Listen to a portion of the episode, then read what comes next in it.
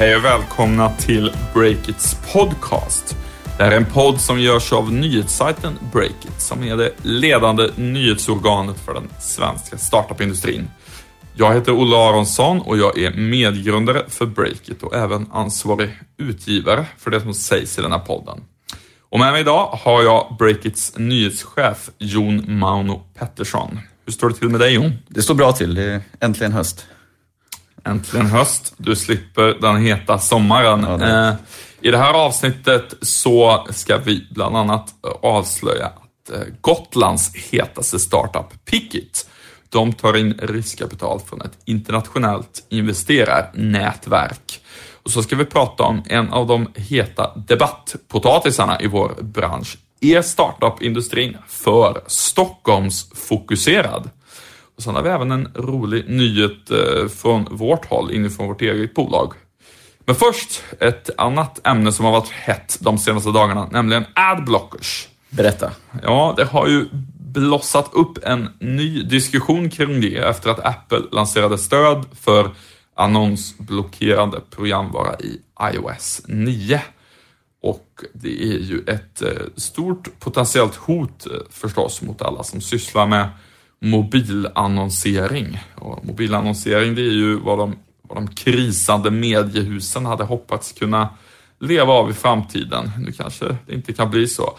Jon, kan du ge en sammanfattning av vad som har hänt i den här adblocker-debatten i Sverige de senaste dagarna? Ja, vi svenskar är ju oerhört skickliga på att använda adblockers får man säga. Det kom ju någon rapport för en tid sedan som vi skrev om att vi ligger bland de högsta snittet i världen sett till adblockers. Uh, använder du själv adblocker förresten? Nej, jag Det vore vill skandal stöd- om du hade gjort det, känner jag. Jag vill stödja journalistik. Jag fick faktiskt ett mail från en, en person nu i veckan som skrev du det är en bugg på er sajt. Mm. Och så kunde jag inte återskapa det och svarade du det är inte så att du använder adblockers.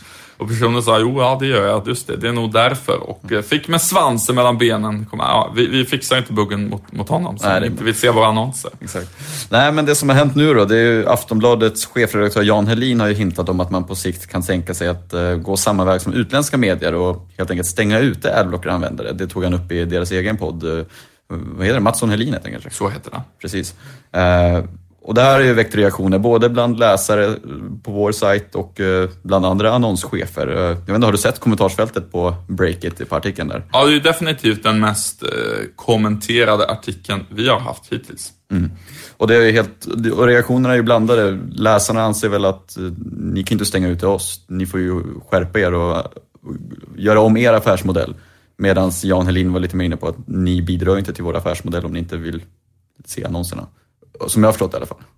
Ja, och det här är ju ett ämne som berör folk eh, väldigt mycket, som engagerar.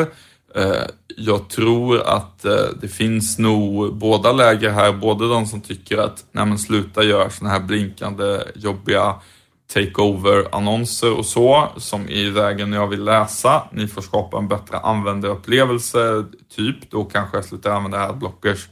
Medan andra tycker att, eh, men, nej, men vad, vad tror ni? Att ni ska få eh, ha tillgång till någonting gratis utan att se annonser? Då är man väl lite väl naiv, är väl typ det andra debattlägret.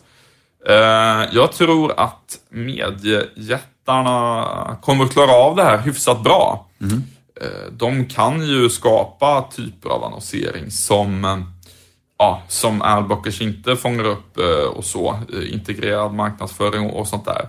Det största hotet tror jag det här är snarare mot eh, de företag som bara sysslar med typ banners i mobilen.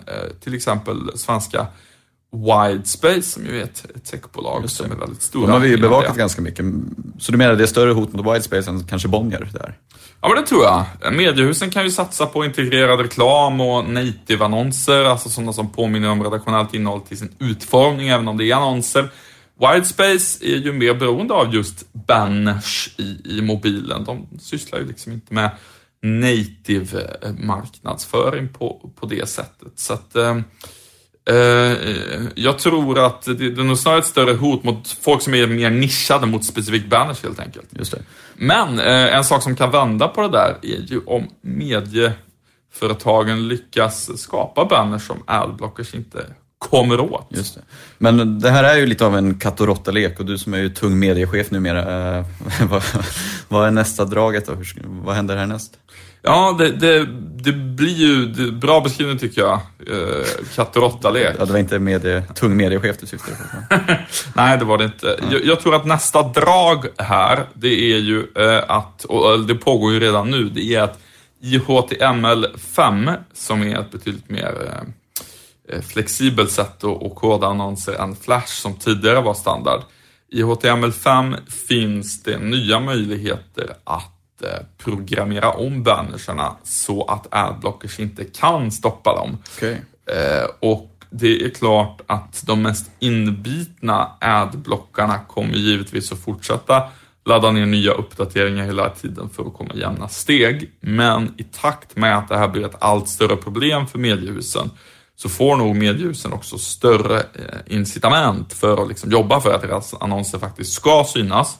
Eh, jag eh, råkar veta att till exempel eh, Schibsteds teknikteam, de sitter ju och tittar på i realtid hur många ser egentligen annonserna och hur kan vi skruva om i koden så att fler ser dem. Och det, men det är klart att de allra mest liksom, hängivna adblockarna kanske liksom håller jämna steg då, men någon sorts mer Svensson adblockare kanske liksom inte hinner sitta och hela tiden anstränga sig för att deras adblocker ska, ska stänga ute annonserna. Så att, eh, det, jag tror att vi liksom, man kommer, de där motdragen pågår liksom hel, hela tiden eh, nu. Det är inte så att medieindustrin sitter och tittar bara på hur, hur allt fler annonser blockeras. Ehm, Men eh, vi ska inte prata allt för länge om adblockers, men hur känner du själv? Liksom, hatar du alla som använder adblockers? Nej, det gör jag inte. Jag, jag, jag ser det mer som liksom... Eh, alltså folk i allmänhet försöker ju få sina webbläsare att gå snabbare på alla möjliga sätt. Eh, det är ju väldigt många som sitter och, tweakar eh, sin, sin dator och sin mobil för att den ska prestera bättre på alla möjliga vis. Och det är väl liksom, precis som för alla företag, upp till oss att eh, hitta sätt som gör att vår sajt eh, går snabbare och blir mer användarvänlig för alla. Det är ju liksom ingen sån jättedramatik i det, eh, tycker jag.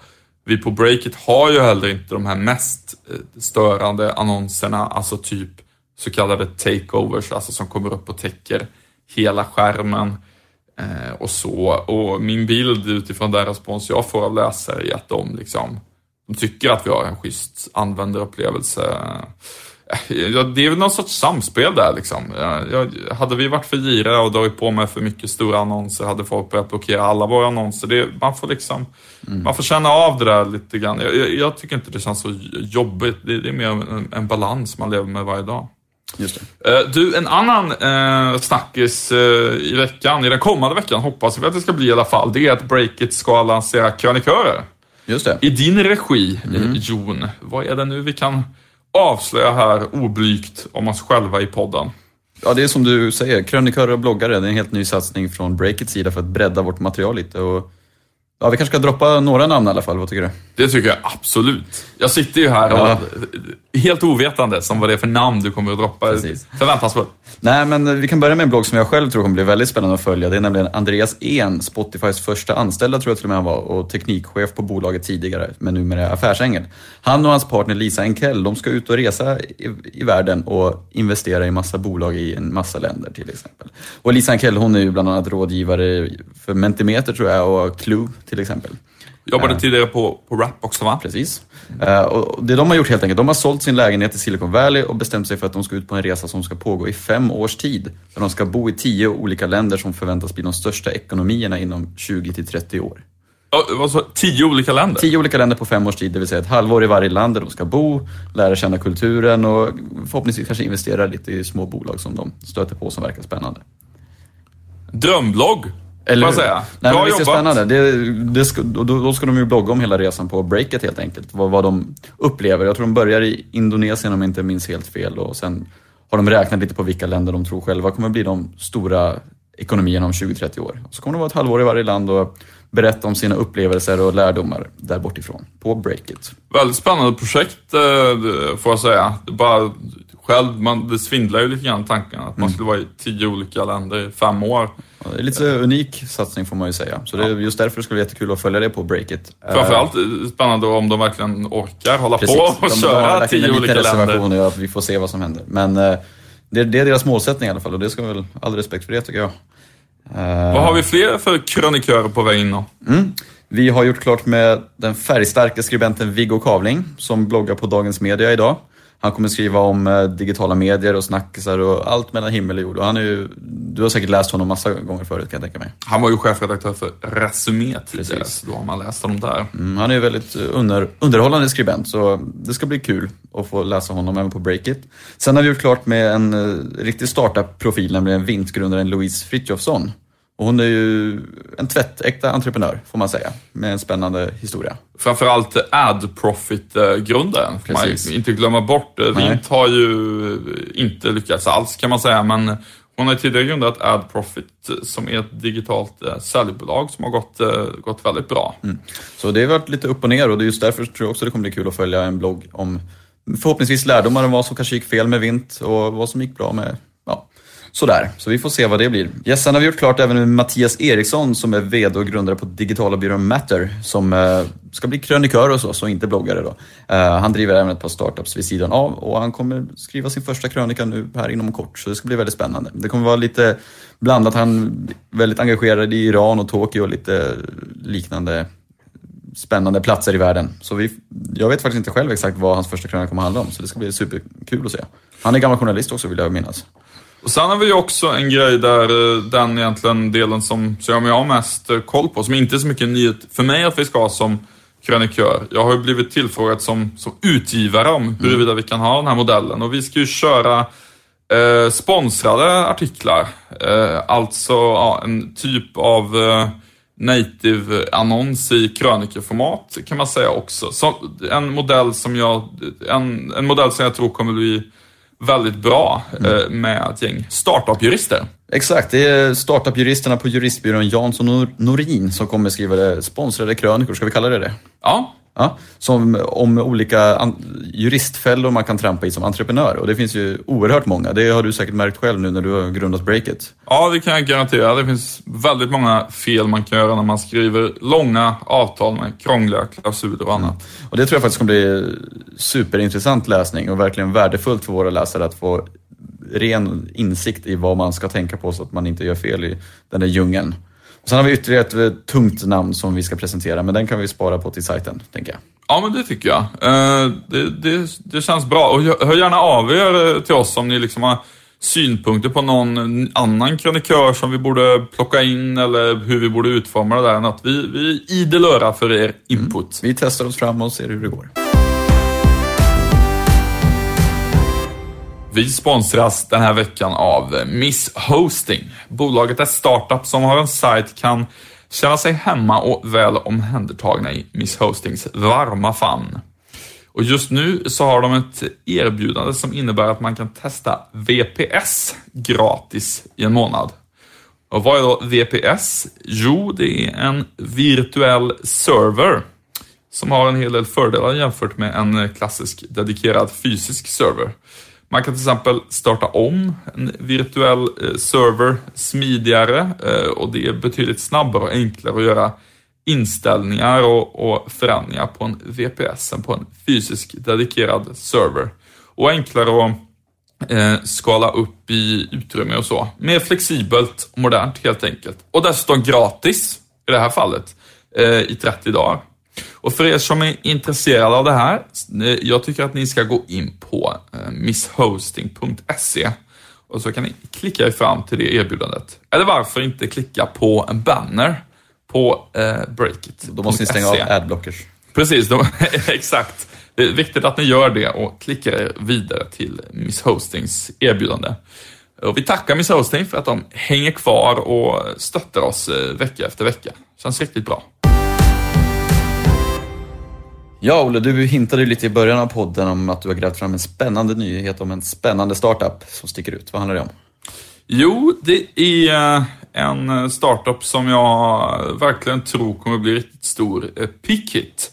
Som ju brukar beskriva sig själv som en sorts Spotify för eh, professionella bildanvändare. En ny sorts digital bildbank helt enkelt. De har tagit in närmare 10 miljoner kronor i riskkapital plus en del lån eh, utöver det från bland andra ett internationellt investerarnätverk som heter eh, Seraf. Och det är lite doldisbolag får man kanske säga? Eller? Ja, eh, det är det verkligen. De är inte de eh, av startupsen i Sverige som har dragit ner störst rubriker hittills. Det kan man inte säga. Eh, men jag tror att de har väldigt stor potential.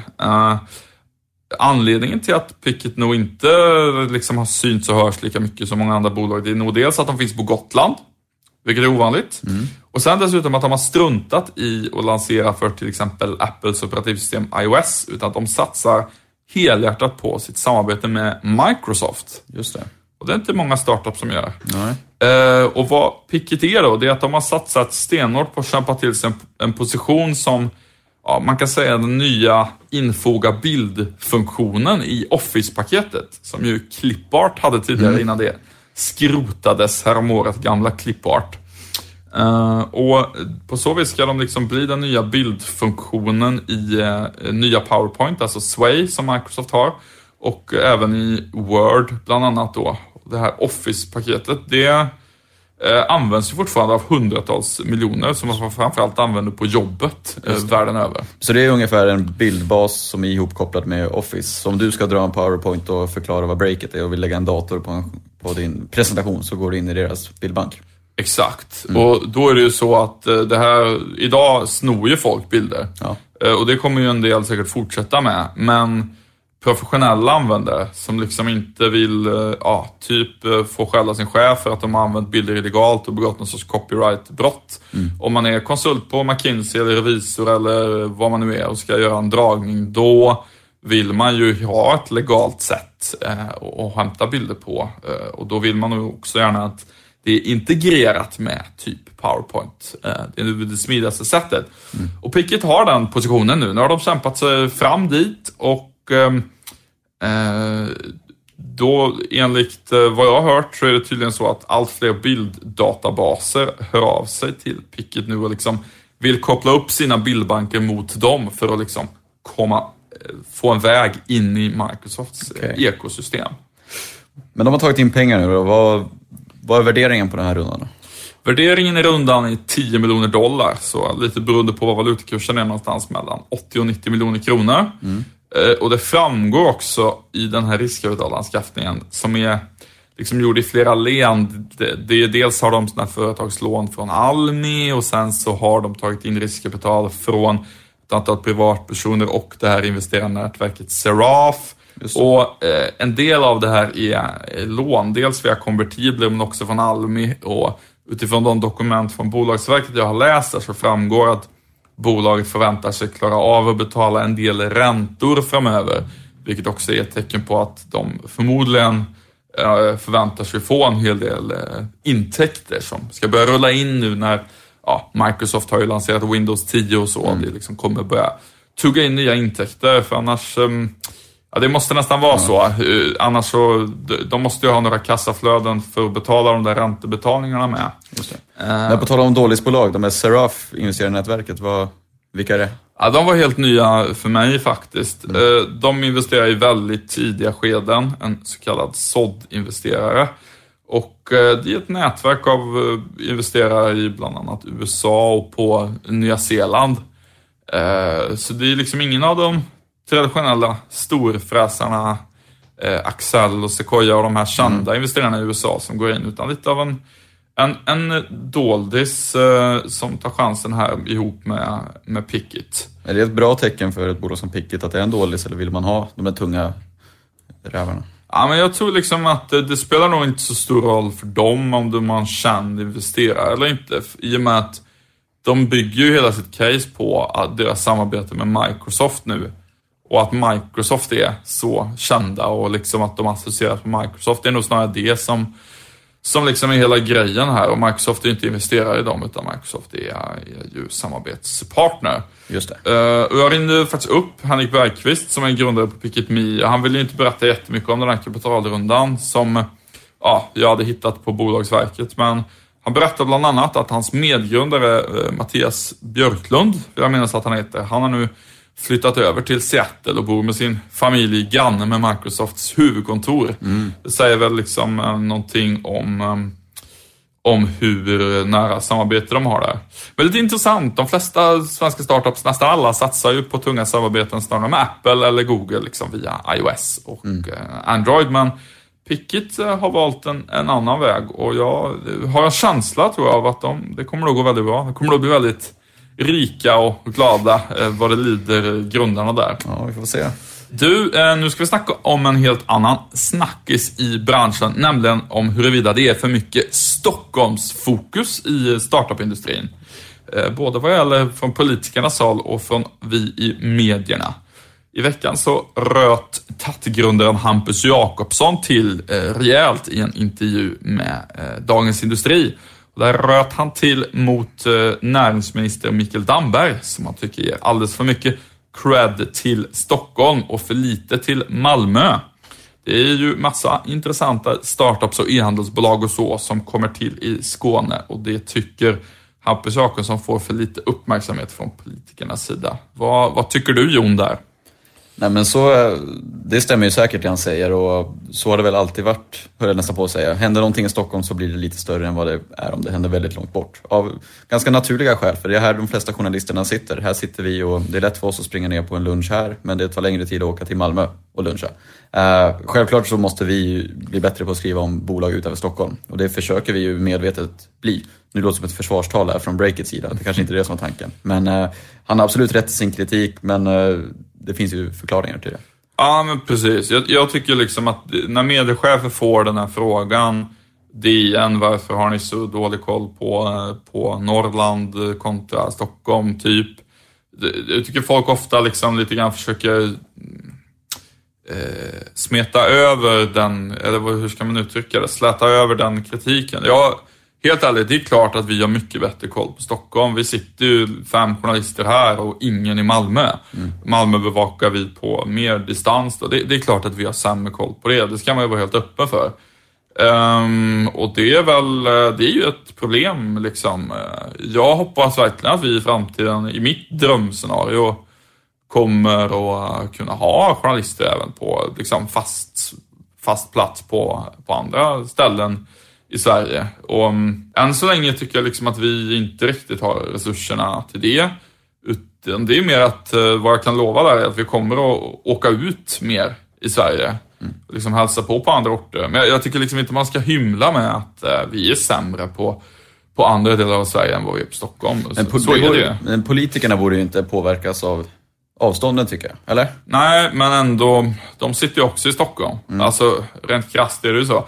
Nej, men jag tror att från politikernas håll handlar det nog mer om att man liksom har köpt hela den här beskrivningen om att um, eh, det är viktigt med liksom kluster. Alltså mm. att Stockholm är liksom ett industriellt kluster. Och, och uh, hypen här i Stockholm till att det är Stockholm som har producerat alla sådana här unicornbolag och att Eh, det är liksom, det är ingen som pratar om att USA är liksom ett hett startup-kluster, utan det är Silicon Valley. Alltså det, det, det, det är liksom, på något vis har hela diskussionen börjat handla om begränsade geografiska områden. Och det är väl helt okej okay om man är liksom arrangör av Stockholm Tech Meetup och hypar just Stockholm på det sättet. Men om man är näringsminister för hela landet, nej, då kan man ju ifrågasätta faktiskt eh, i synnerhet i och med att han, om jag inte minns fel, själv är från Stockholm och sådär. Alltså mm. det är lite onödigt nästan att utsätta sig för, för den uh, kritiken. Men det, det känns ju som att uh, Micke Damberg tar väl säkert till tar väl säkert till sig av det där också. Det, det känns som, han känns som en lite sån pragmatisk person. Han, åker, han, han har säkert redan bokat en flygbiljett till Malmö. Det, det känns faktiskt ja, lite absolut. så. Men uh, vi, vi kan väl passa på att uppmana alla skånska startups och norrländska också för den delen, höra av sig med tips till oss. För det är, vi skriver ju mer än gärna. Det är bara att vi har lite svårare att upptäcka dem själv när vi inte känner pulsen på samma sätt eftersom vi inte är på plats. Verkligen, och även svenskar runt om i världen. Mm, det älskar jag personligen att läsa om när folk hör av sig. Hej, jag driver en startup i Nigeria, som vi skrev om eh, härom veckan. Eh, har en spännande artikel på gång om en eh, som driver startup i Vietnam till exempel, svensk eh, person. Eh, så oavsett var i världen ni finns, eh, och var i Sverige, jag hör, hör väldigt gärna av er. Det hjälper oss med att bli bättre helt enkelt. Hur tipsar man då? Man mejlar till tipsatbreakit.se. Superenkelt, gör det. Ja, och när vi ändå är inne på e- temat egen reklam här, eh, så vill vi också passa på att berätta om vårt event som vi kör i Stockholm den 18 i 11, alltså 18 november. Då går evenemanget Fintech Stockholm av stapeln. I Stockholm? Ja, Hemskt. faktiskt. Men eh, givetvis är man välkommen att åka hit från, från, från hela landet. Och vi arrangerar det här tillsammans med tidningen Finansliv. Det är ett exklusivt event för den som vill ha järnkoll på hur nya startups omformar eh, finansindustrin. Vi har ett ganska späckat program, om jag får säga det själv. Det är jag som har bokat in det tillsammans med Stefan. Eh, vi har alla från Anders Borg, den typen av personer, till eh, startups som till exempel peer-to-peer plattformen Tomorrows, VD Sofie Lundström. Vi har Dreams, Cryex, Pensionera. Ett gäng som nu tittar på hur de kan förändra finansbranschen eh, som ska vara där och prata. Och dessutom kommer tunga riskkapitalister eh, vara där. Eh, Creandum eh, finns representerade, Schibsted är där, Morse, Kerstin Cooley, Johan Lundberg på NFT Ventures kommer vara på scen. Eh, så det är ett, eh, ett tungt gäng får man säga. Eh, Men är det lite så här först till kvar nu då som gäller, eller hur funkar det? Du säger exklusivt. det är absolut först till kvarn. Eh, Jag tror att det totala antalet platser eh, är mindre än 100. Så att det är verkligen ett exklusivt event för de som vill ha lite bättre koll än alla andra. Och biljetterna har sålt bra hittills, så att det, det gäller nog att passa på. Och när ni då passar på, då går ni in på eh, finansliv.se evenemang och så kan ni ange rabattkoden BREAKIT när ni anmäler er så får ni 20% rabatt. Härligt. Men det är väl dags att runda av, Olle, eller vad säger du? Ja, men det, det tror jag. Då får vi tacka Bepp och ljudproduktion för klippningen den här veckan och Miss Hosting för sponsringen. Och någon mer som vi ska tacka, Olle? Ja, jag vill ju bara som vanligt tacka alla som mejlar och peppar oss. Jag blir så glad av det i mitt entreprenörsslit. Det, det är väl det. Uh, det känns som ett utmärkt sätt att avsluta en podd på. Mm, tack. Tack så mycket. Ha det gott så hörs vi nästa vecka. Hej då. Hej!